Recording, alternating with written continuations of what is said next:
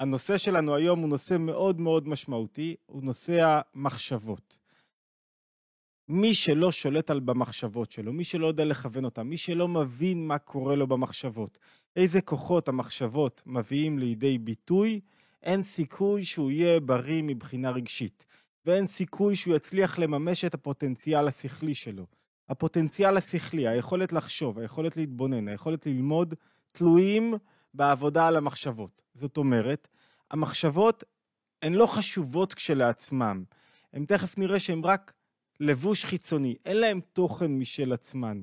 אבל בלי עבודה על המחשבות, בלי להבין מה קורה לי במחשבות, מהם הקרבות שמתנהלים, אילו כוחות לוקחים חלק במחשבה, למה דווקא הכוחות הללו לוקחים חלק במחשבה, אין סיכוי שאדם יצליח להתקדם, ללמוד, להתפתח. כשרואים תלמיד שמתקשה להתפתח, מתקשה ללמוד, זאת אומרת שיש לו כנראה איזה רגש שמפריע לו, אבל הרגש הזה בא לידי ביטוי במחשבות שלו. המחשבות שלו בורחות מהכאן ועכשיו, הוא לא מצליח להתמקד במה שהוא קורא, הוא לא מצליח להבין דברים מסוימים, אז איך הוא אחרי זה יצליח להתפתח? כל פעם שמישהו לומד, מתמקד, זאת אומרת שהוא הצליח למקד את המחשבות שלו. בכל פעם שמישהו לא מצליח ללמוד, לא מצליח להתמקד, זאת אומרת שהוא לא ידע את סוד ניהול המחשבות, שזו אמנות מאוד חשובה. עבודה על המחשבות, שזה הנושא של שני המפגשים שלנו היום ומחר, היא לא עבודה אה, פנימית. זאת אומרת, זה לא עבודה שאני עכשיו לומד לעומק, מבין את מבנה העולם, משתנה, מתפתח, לא. זו, זו עבודה כשלעצמה חשובה. זו עבודה פנימית, חשובה, משמעותית, אבל היא לא הנקודה העיקרית שהולכת בעבודת המחשבות, כי אני לא משתנה באמת, אני לא מתפתח באמת. עבודת המחשבות היא עבודה טכנית בעיקרה, שקשורה הרבה, קודם כל, בהבנת מבנה המחשבה, מה קורה לי שם, למה דווקא היא כל כך חשובה, מה מזין את המחשבות הלא רצויות, איך אני יוצר את מקורות ההאזנה הזאת, ואימון. בלי אימון, יש פה איזה זבוב טורדני שרודף אותי.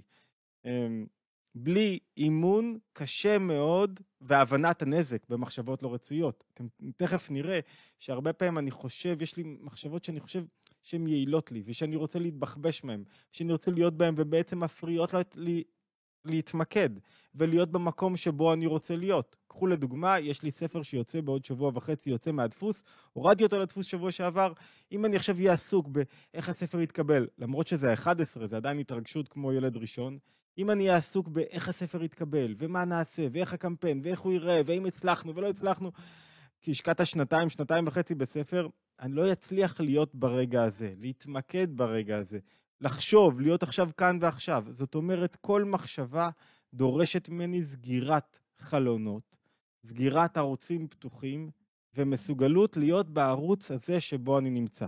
זה, זה חלק מסודות המחשבה, ולכן מי שלא יודע את הסוד הזה, או לא מצליח לעשות את זה, לפעמים זה בא לנו באופן טבעי, אבל רוב הזמן זה חלק ממאמץ נפשי, מתמשך, שדורש מודעות. ואם אני לא יודע לעשות את המאמץ הנפשי המתמשך הזה שדורש ממני מודעות, אין לי סיכוי, אמרנו שני דברים. אחד, מה יהיה עם הזבוב הזה? להיות בריא, הוא רוצה לבדוק אם אני מצליח להתמקד תוך כדי שהוא רודף אותי. אין סיכוי שאני אצליח להיות בריא, אני אוריד את הטמפרטורה של המזגן ואז הוא לא תהיה לו ברירה. אני לא אצליח להיות בריא בנפשי. למה? כי כשהמחשבות בורחות לכל מיני מקומות, הן מעוררות רגשות. זאת אומרת, תכף נראה שהמחשבה היא, היא אף פעם לא מביאה תוכן משל עצמה. היא מבטאת תכנים פנימיים, או בעצם יותר נכון כוחות פנימיים. הביטוי של הכוחות פנימיים אומר שכל פעם שאני חושב מחשבה שלא אני בחרתי בה, עוררתי רגש שלא אני בחרתי בו. כשעוררתי רגש שלא אני בחרתי בו, אני הופך להיות אדם שנשלט על ידי הרגשות שלי. וכשאני נשלט על ידי הרגשות שלי, אין סיכוי שאני לא אשלם מחירים רגשיים.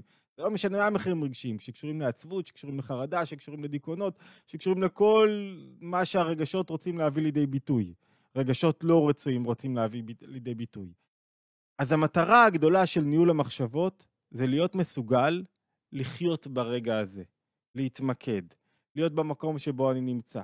כל פעם שאני מפוזר דעת, אני מתפזר בכל העולמות, אני משלם מחיר רגשי אמרנו, אני לא מצליח להשיג הישגים, אני לא מממש את הפוטנציאל השכלי שלי, ובכלל, אני לא מביא, מביא לידי ביטוי את הכוחות שלי, שזה האתגר המרכזי של האדם בעולם הזה, זה תכלית הבריאה במידה מסוימת, שהאדם יגלה את הכוחות שלו. בהזדמנות הייתי נותן לכם, מציב לכם מראה מקומות מהארי וכולי, למה האתגר הגדול הוא גילוי הכוחות. אבל בקצרה, בהערת אגב קטנה, כשאני מגלה את מלוא הכוחות שלי, אני מתדמה למי? לבורא שמגלה את מלוא הכוחות שלו. נחזור רגע לנקודה שלנו. המטרה של ניהול המחשבה היא גילוי כוחות נכון, גילוי הרמוני של כוחות הנפש. וזה אתגר, אתגר תמידי, אינסופי, יומיומי. אני לא יכול לנוח על זרי הדפנה, להגיד, אה, oh, back then, פעם, שבוע שעבר, הייתי ממוקד. לא, כל רגע יש לו את הרגע שלו. תחשבו על לוחם, שהוא עכשיו בסערת נפש, והמחשבות שלו בורחות לכל מיני מקומות, ומה יקרה עם הדברים, ואיך יסתדרו הדברים. כשהוא בתנועה הנפשית הזאת, הוא לא מסוגל להיות לוחם ממוקד. הוא ילחץ על ההדק, הוא תמיד יפספס. הוא יעשה פעולה, היא לא תהיה נכונה. הרי מה אנחנו רוצים? מה אנחנו מהללים? ישבתי אתמול עם חברים אה, שהיו בשייטת, ושוחחנו על בחור שאני לא זוכר את שמו, היה אחד מ... היחיד, אני חושב, שנשאר בריא ושלם באסון השייטת, והם היללו את היכולת שלו להיות בתוך מציאות של, לא זוכר כמה, כמה נפצעו ונהרגו באסון השייטת, נדמה לי 1997, והם היללו את היכולת שלו לאחוז בקשר, לכוון את הכוחות אליו בתוך לבנון, ולדבר רגוע כאילו הוא על חוף הים. ואם הוא היה נותן למחשבות לברוח לכל מיני מקומות, מחשבות כמו מה יקרה אם, וזה היסוד לחרדות, וזה היסוד לסטרס, וזה היסוד להרבה תנועות רגשיות לא רצויות, אם הוא היה נותן למחשבות הללו לאזוק אותו באותו רגע, הוא לא היה מצליח לדבר כאילו בחוף הים. הוא הצליח כי הוא הצליח להיות ממוקד במשימה שלו כרגע האחת שעומדת לפניו. וברגע שהוא הצליח לעשות את זה, הוא גם הצליח להתמקד במה שהוא עושה. לתאר נכון, איפה הוא צריכים להיות, איפה צריכים לנחות את הכוחות.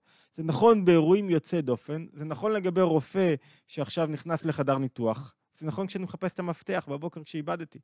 כשהמחשבה שלי, רגע, אני מאחר, אני לא אצליח למצוא את המפתח. שד לאיבוד מזנק עליי.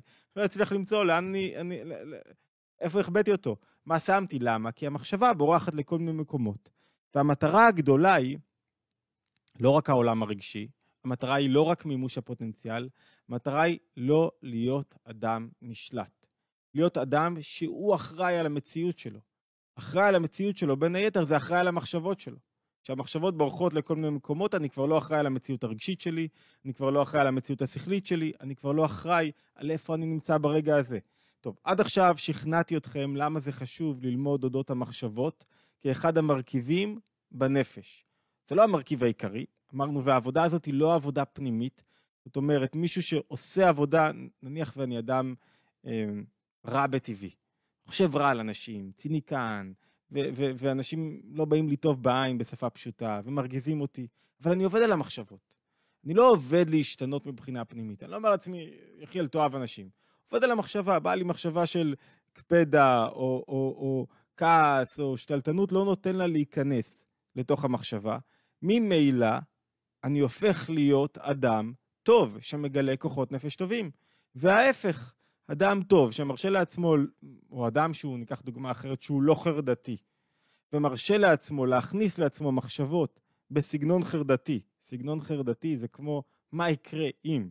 כל המחשבות החרדתיות זה מה יקרה אם. איך אני אסתדר לגבי העתיד ולגבי העבר. איך הייתי, מה עשיתי, איך תפקדתי. כשהוא מרשה למחשבות הללו להיכנס בתוכו, בסופו של דבר הוא הופך להיות נשלט על ידם. וכשהוא הופך להיות נשלט על ידם, אין סיכוי שהוא לא משלם מחיר רגשי. כי מה קורה? המחשבות מתחלפות, נעות כל הזמן, אבל הרגש שהתעורר בו נשאר עמוק בתוכו, נשאר עמוק, כואב ו- ומזין אותו. ולכן המטרה הגדולה של, אני אנסח את זה אולי אחרת, מחשבות הן לא הבעיה. הבעיה היא מה? הבעיה הרגשות שמתגלים במחשבות. הרגשות הלא רצויים, אם ליתר דיוק, שמתגלים במחשבות. הרגשות הלא רצויים שמתגלים במחשבות הם הבעיה העיקרית. המחשבות הן כלי לפתרון של רגשות לא רצויים. בואו נתקדם עוד טיפה קדימה, הבנו למה אנחנו צריכים לעבוד על המחשבה, למה זה, זה, זה, זה קריטי בכל גיל, בגיל 15, בגיל 4 ובגיל 77, 80, 90, כשאדם יושב בגיל 90, מתחיל לסכם את חייו ונותן למחשבות לרדוף אותו. ולא, זה לא סיכום אמיתי, זה לא סיכום בעל תוכן. זה, זה נותן למחשבות לברוח, מה היה פעם, ואיך היה, הוא אזוק בתוך המחשבות הללו. הוא מתחיל לשלם מחירים רגשיים, ואז אי אפשר להתפלל למה הוא, למה הוא בדיכאון פתאום, למה הוא נופל לתוך עצבות, למה הוא נופל לתוך קושי כזה או אחר. אז בלי להבין את המחשבות, אני לא יכול לצאת מזה. עכשיו, המחשבות הן דבר מאוד טבעי. זאת אומרת, זה טבעי שהמחשבות יברחו לכל העולמות, זה לא דבר לא טבעי. אין אדם, מדברים על הפרעות קשב וריכוז. אין אדם שאין לו הפרעת קשב וריכוז. מה זאת אומרת? יש כל כך הרבה פיתויים בעולם, כל רגע, עכשיו מישהו שלח לי איזה וואטסאפ, תוך כדי שאני בשיעור. השיעור גם ככה קשה, כי אני רואה רק את עצמי, אז אני מדבר לעצמי. אני לא רואה את, את עשרות האנשים שיש איתנו כבר כאן, או כמה שלא יהיה. אה, וכשאני מדבר לעצמי, אז אני צריך להתמקד. עכשיו, אם אני חושב על הוואטסאפ שהוא שלח, אז דעתי ממילא מוסחת. אני רואה איזה פרסום, אני רואה איזה תמונה. ממילא, אני הדעת מוסחת. ולכל אדם בדרגות שונות יש אתגרי קשב וריכוז. מה זה אתגרי קשב וריכוז? המחשבה רוצה להיות בתנועה, לברוח. יש הרבה, אולי כדי להבין מהי המחשבה, כדי להבין את ההפרעת קשב וריכוז. המחשבה היא לבוש. היא אופן שבו אני מתגלה לעצמי. כשאני אומר אני, זה הנפש שלי. יש נפש, יש גוף. הנפש בהדרגה מתגלה בתוך הגוף. היא מתגלה, כדי להתגלות היא צריכה לצמצם את עצמה. היא, כדי שהכוחות שלה יתגלו בתוך הגוף, היא צריכה לעבור תהליך של צמצום. תהליך הצמצום הזה הוא הדרגתי. הכוחות מצטמצמים. כשרגשות למשל הם חזקים מדי, הם לא יכולים להצטמצם והם לא יכולים להתגלות במחשבות. והם לא יכולים להתגלות גם בגוף. אז לאט לאט כוחות הנפש מצטמצמים עד שהם מתלבשים בתוך מה שנקרא לבושי הנפש. האופן שבו הנפש מתלבשת. ויש, אומר אדמו"ר הזקן, בכלל מובא בזוהר ובעוד מקומות, יש שלושה לבושי נפש. מחשבה, דיבור ומעשה. הייחודיות של המחשבה, שהיא מגלה את הדברים לעצמי. זאת אומרת, המחשבה מגלה את הדברים לי.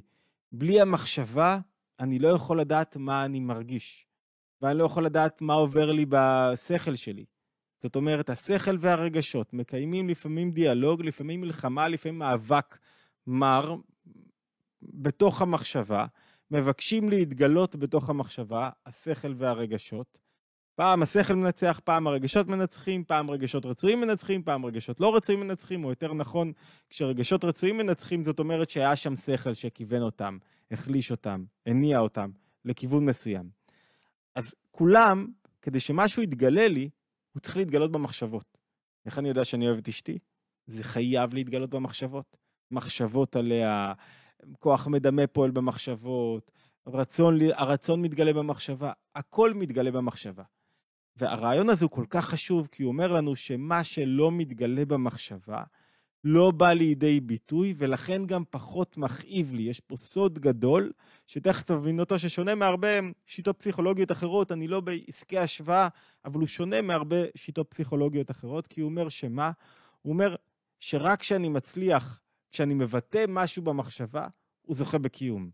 אם לא נתתי לו מקום במחשבה, לאט, לאט, לאט הוא ייעלם ולא יתבטא בנפש שלי. זאת אומרת, אם מחכה לי פה איזו חרדה גדולה של מה יקרה איתי מחר בבוקר עם איזו פגישה לא רצויה, אם אני לא נותן לה מקום במחשבה, הרגש כלפי אותו דבר, רגש הפחד והחרדה, לא יבוא לידי גילוי.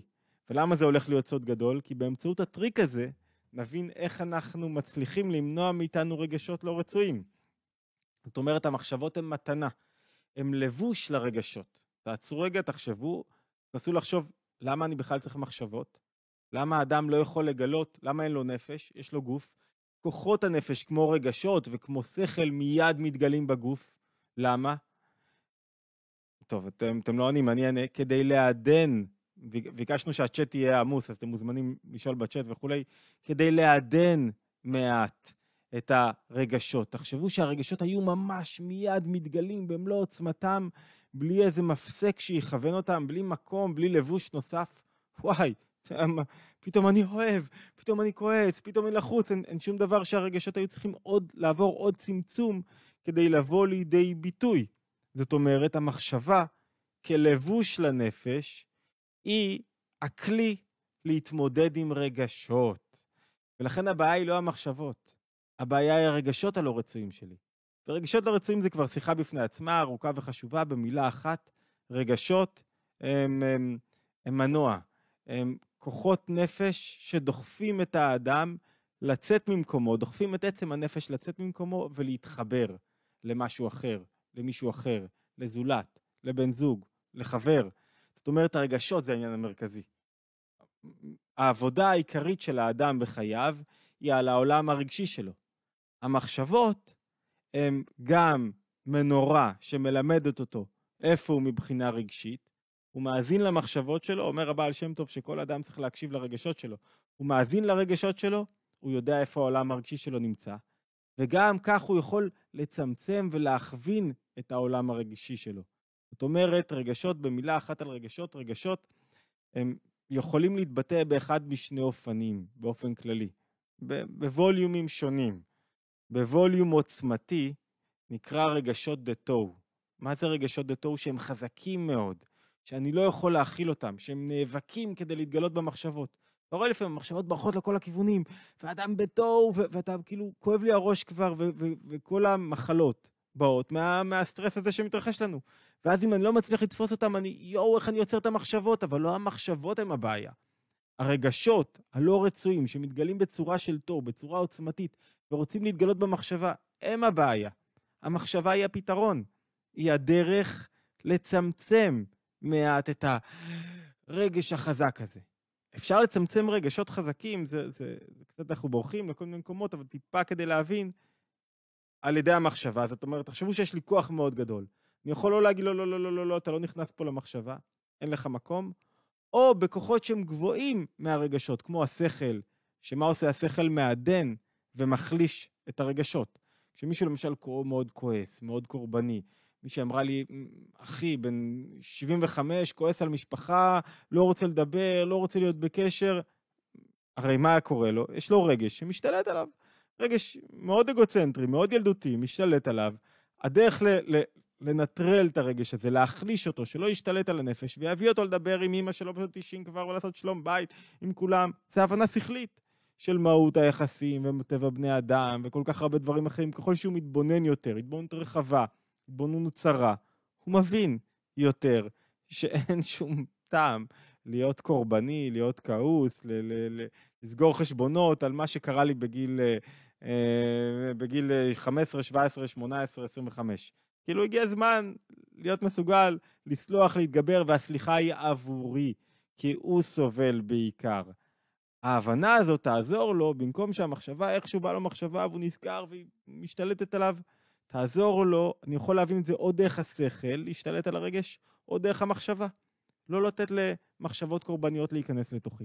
לא לתת להם להשתלט עליי.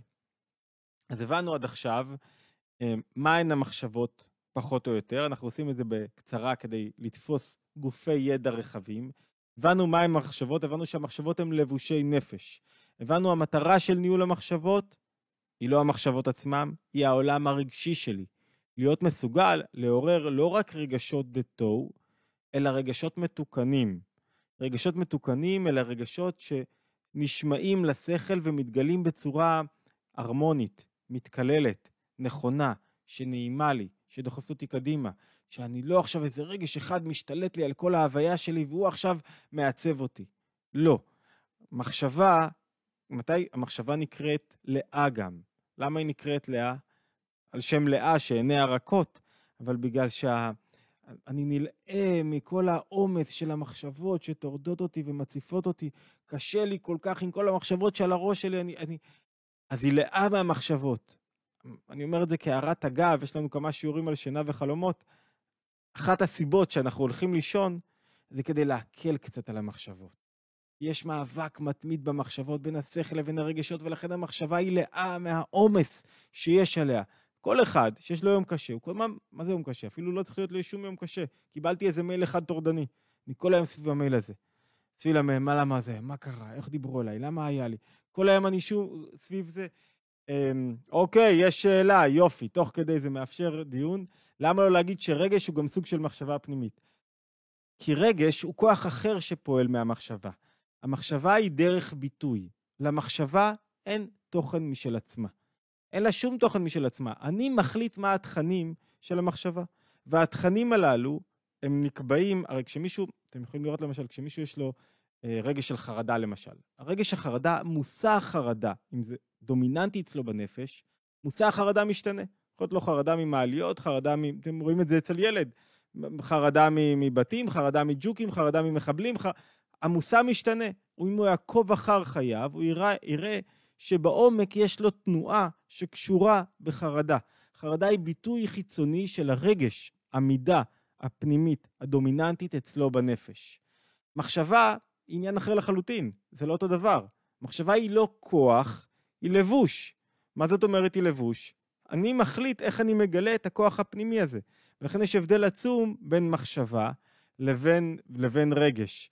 יש דבר כזה שנקרא מחשבה פנימית, אני לא אאריך בזה כרגע, זה נקרא כוח המחשבה, שזה ביטוי ל... לכוח מאוד פנימי בנפש. אני רק אתן דוגמה, אם כבר הזכרתי, למשל, יש אנשים שלא מצליחים לשנות מחשבות, לדחות מחשבות, לעבוד עליהן. קשה להם מאוד. מי שעבר אה, פגיעה מינית, מי שעבר אליהם קרב, מי שעבר התמודדות קשה, למה? כי זה נוגע לו בעצם הנפש. שם, בעצם הנפש, עצם הנפש בא לידי ביטוי בכוח יותר עמוק שנקרא כוח המחשבה. לא הזמן להאריך בזה כרגע, כי אני רוצה לתפוס עוד קצת גוף שלי לידע, אבל אני מקווה שהבנו למה רגש הוא רגש. רגש נקרא מידה, כי הוא אמור להיות מדוד ולהניע את הנפש. גם התפקיד של רגש הוא אחר. התפקיד של הרגש הוא לקחת את הנפש, את עצם הנפש. עצם הנפש, כשאני אומר נפש, נפש זה מקור חיות. זה מקור החיים של האדם. חיים, נפש זה חיים.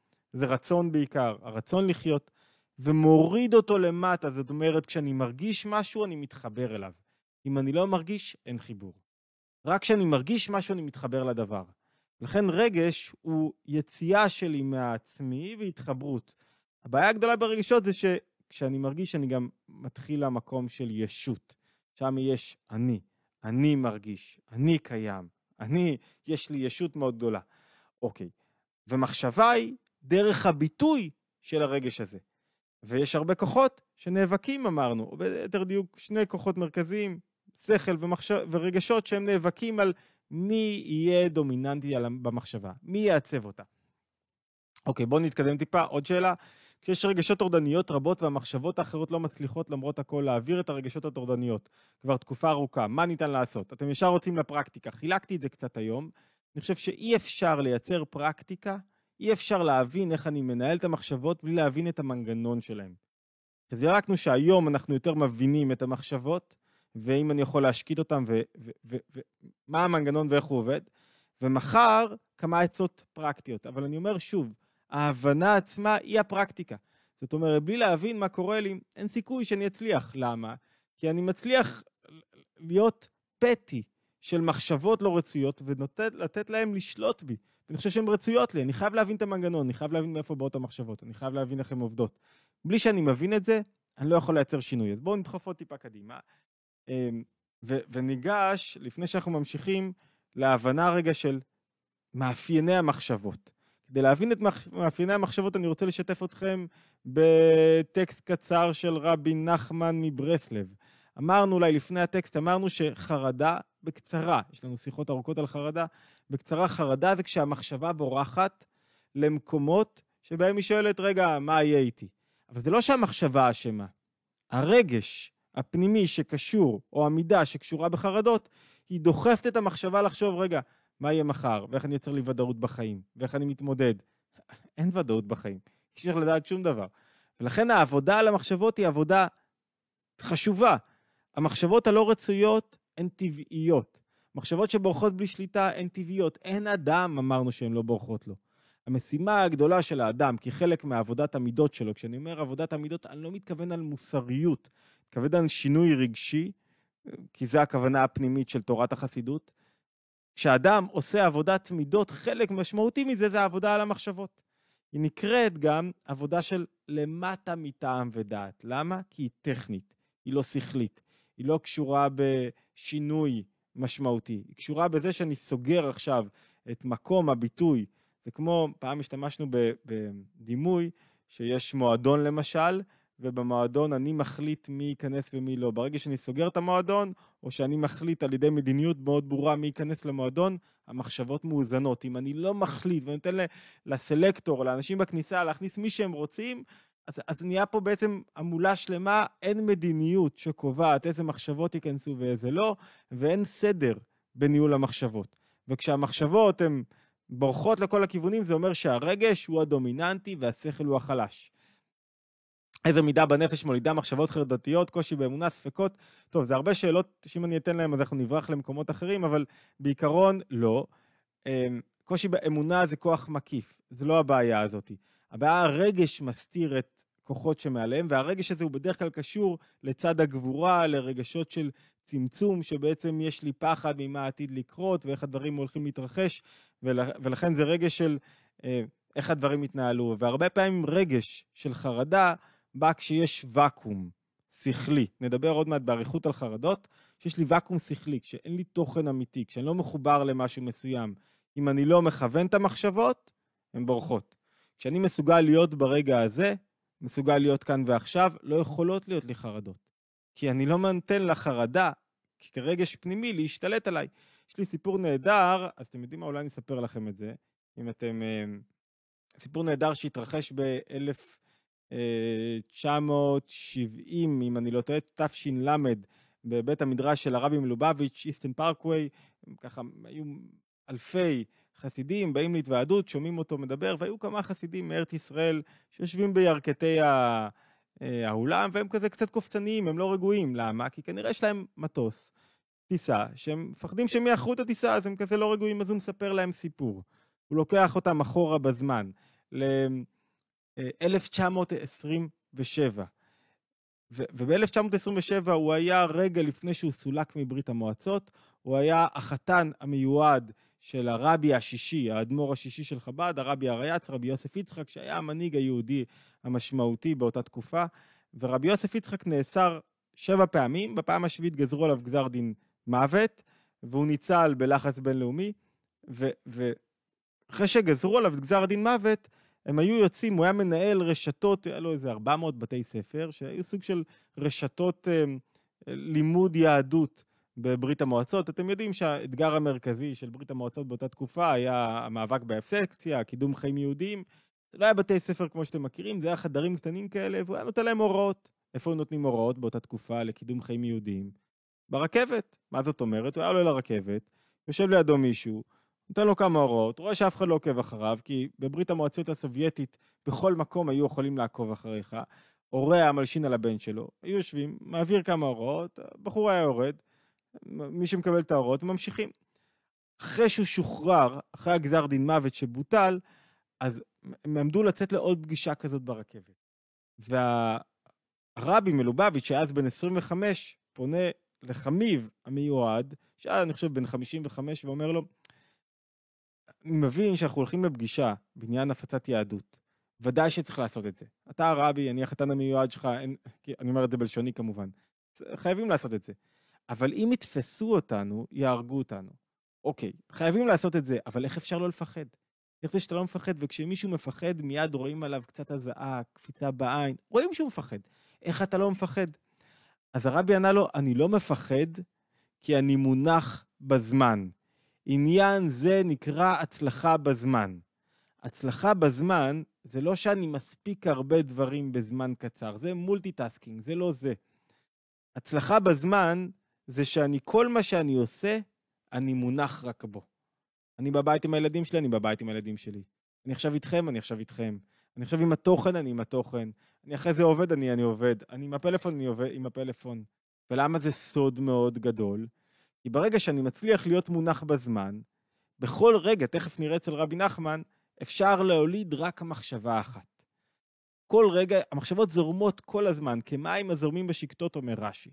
אבל בכל רגע יש רק מחשבה אחת, וכשאני מצליח למקד את המחשבה ולבחור את המחשבה האחת הזאת שבה אני נמצא, לא יכולה להיכנס לי מחשבה שמוזנת על ידי רגש לא רצוי, כי אני בחרתי את המחשבה. ואז מה עשיתי? לא השתניתי, לא טיפלתי בעצמי, לא עבדתי על החרדות, לא עבדתי על הסטרס שלי.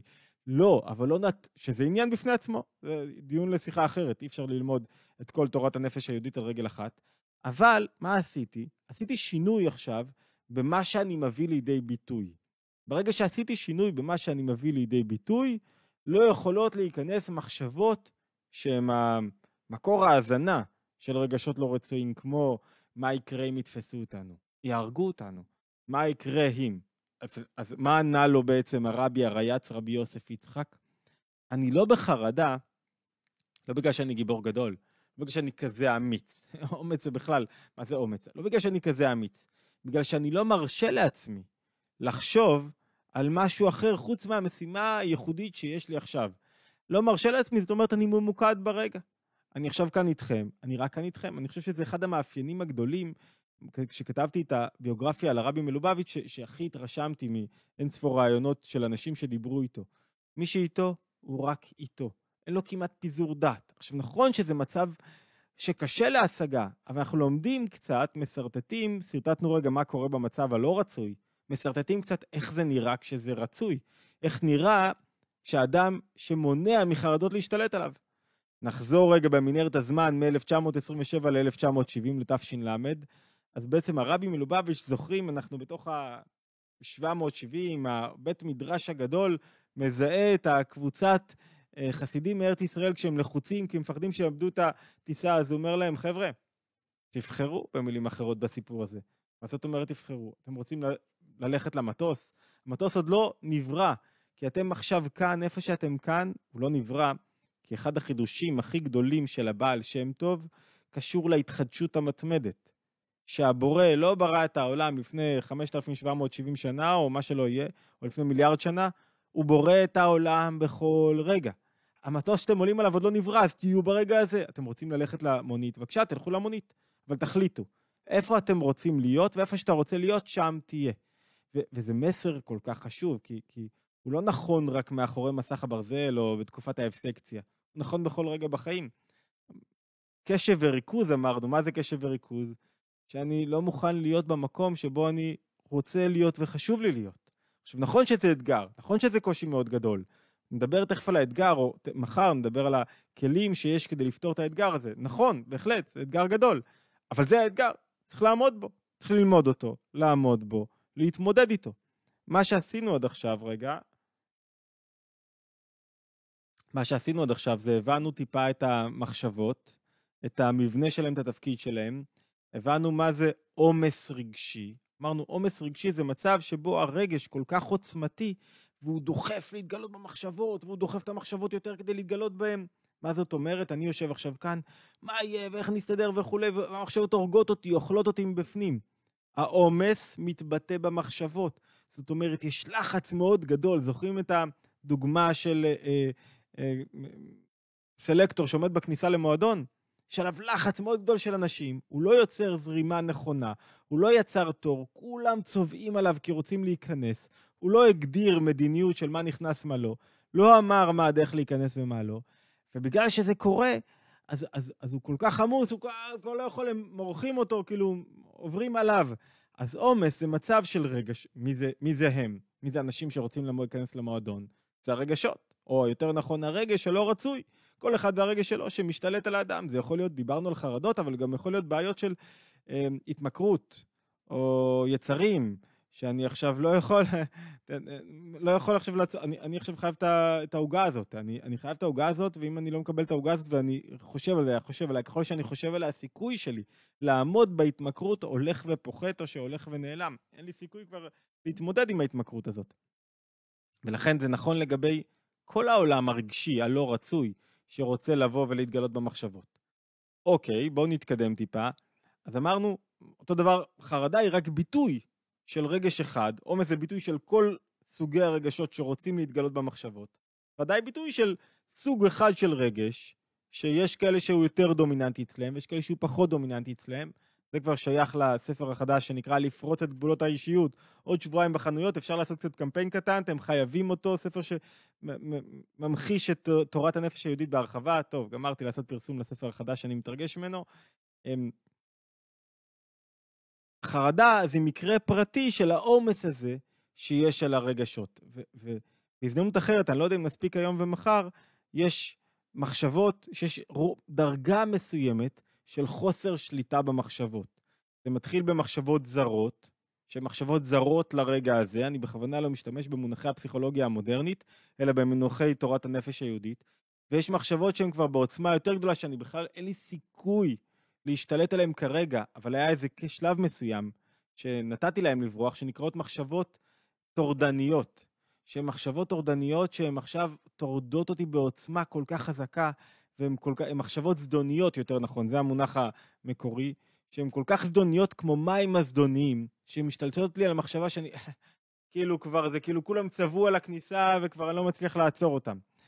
אז אמרנו שאנחנו רוצים להבין טיפה יותר טוב את מאפייני המחשבות, בואו ניכנס רגע ל... אמ, לטקסט קצר, הוא נמצא את האמת בהרבה מקומות, גם אצל אדמו"ר הזקן וגם, אה, אבל אצל רבי נחמן, בא, ניקח רק את הסמן, אצל רבי נחמן אתם רואים ש... רגע, אצל רבי נחמן בצורה מאוד uh, בהירה וברורה, בואו נקרא רגע.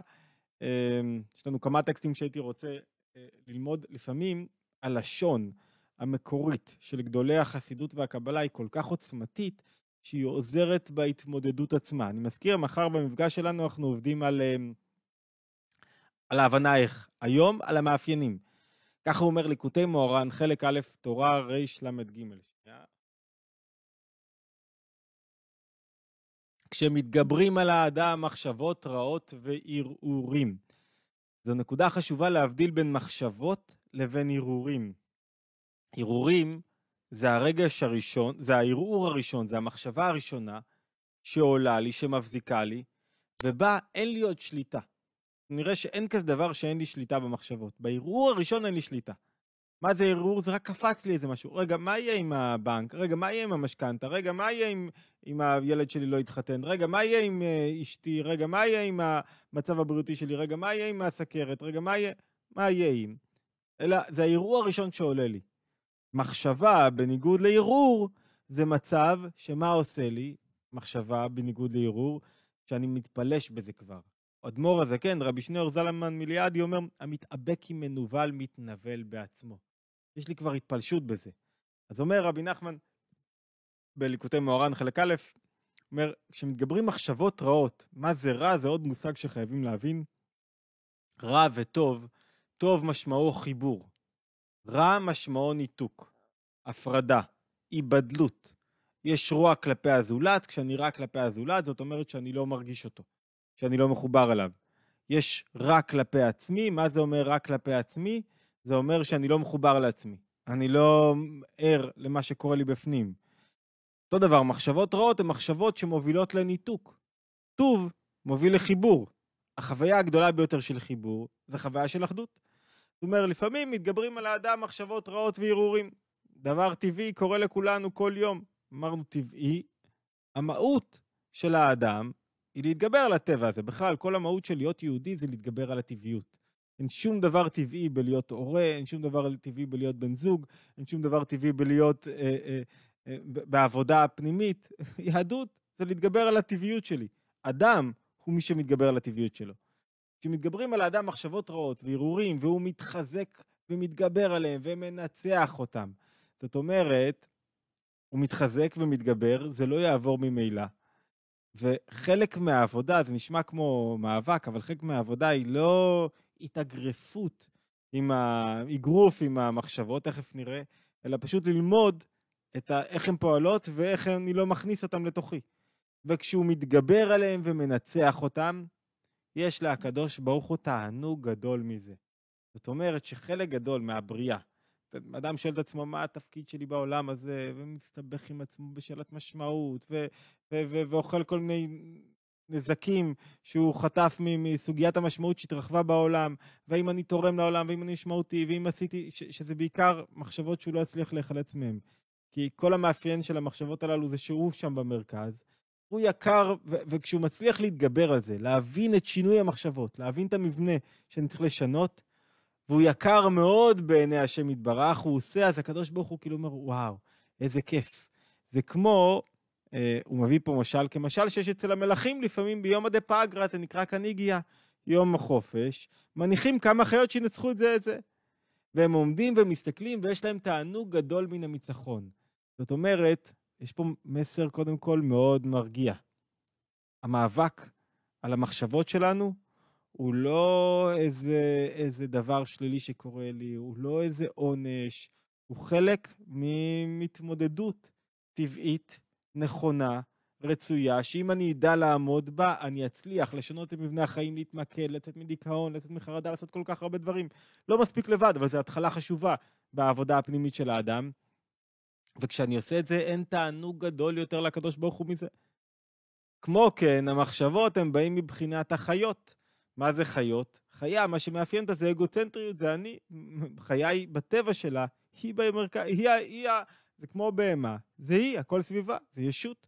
ומחשבות קדושות הן מבחינת חיות טהורות, ומחשבות רעות הן מבחינת חיות טמאות, ומניחים בכוונה מלמעלה שינצחו, שיילחמו זה עם זה.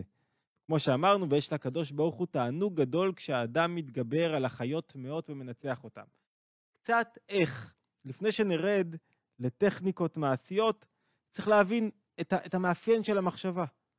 הכלל הוא שאי אפשר בשום אופן בעולם שיהיו שני מחשבות ביחד בפעם אחת. זאת אומרת, כל רגע נתון אני יכול רק לחשוב מחשבה אחת. ואם כל רגע נתון אני יכול לחשוב מחשבה אחת, אם אני, אני לא צריך להשתלט על כל המחשבות העתידיות. צריך להשתלט על מחשבה עכשיו, הזאתי הקרובה. אני חושב שצריך להחליט, זו החלטה קשה, ולבחור. שאני עכשיו לא חושב על מה יקרה עוד שבועיים כשהספר החדש יצא לדפוס. כי אם לא, אני פשוט מאבד שבועיים מהחיים שלי. אני לא מצליח להתמקד בהם, לא מצליח לא לכתוב בהם, כי אני מחכה למשהו. כל פעם שאדם מחכה למשהו, הוא לא חי ברגע הזה. הוא חי חיים חסרים ברגע הזה.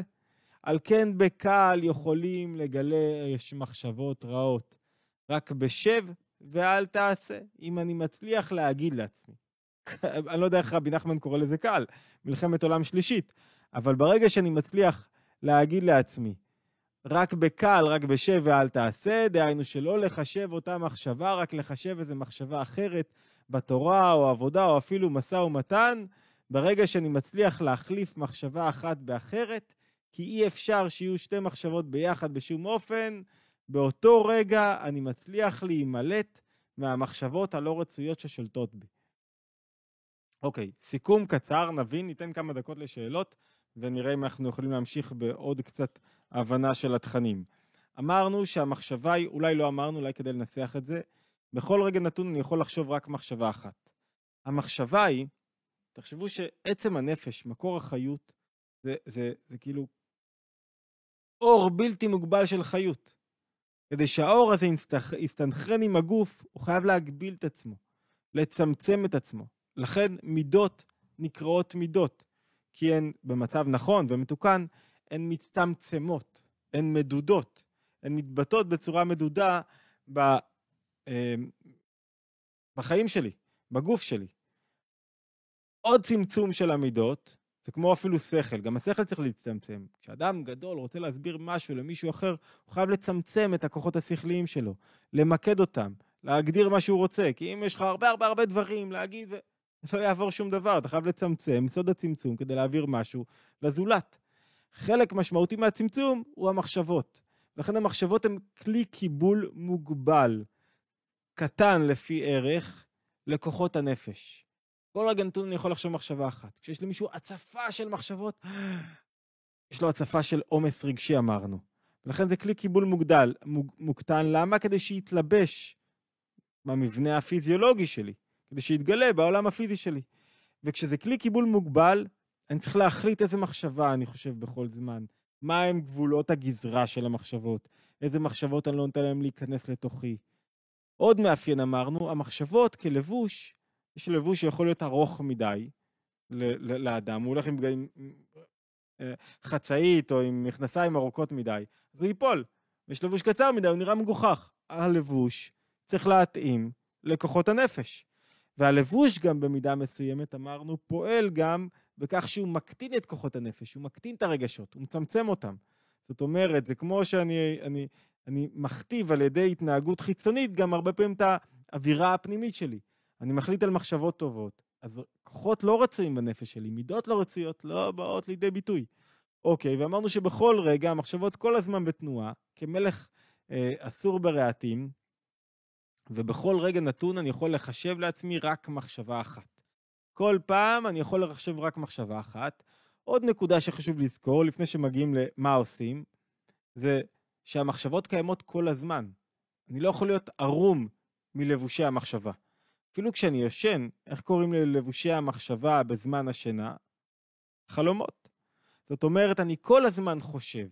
רק מה, אם המחשבה היא בהרמוניה עם הכוחות הפנימיים, אני מרגיש כאילו זה... כאילו הייתי ברגע הזה.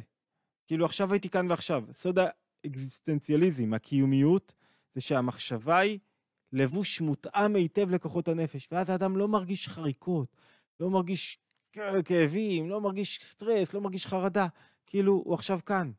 והמחשבה היא לבוש, הוא לא מרגיש, אומר את זה הרבי הריאץ, אולי ננסח בלשונו, שיש שתי דרכים להתלבש. יש דרך אחת להתלבש, דרך אחת שבה הלבושים הם העיקר. אתה מסתכל על מישהו, אתה רואה את הבגדים שלו, מתגנד... אתה רואה את הבגדים, אתה לא רואה את המהות שלו, אין הוא, רק הלבושים שלו העיקר. איך הוא לבש ואיך הוא לא לבש ומה הוא עשה. רואים את זה אצל הרבה אנשים, הלבוש הוא העיקר.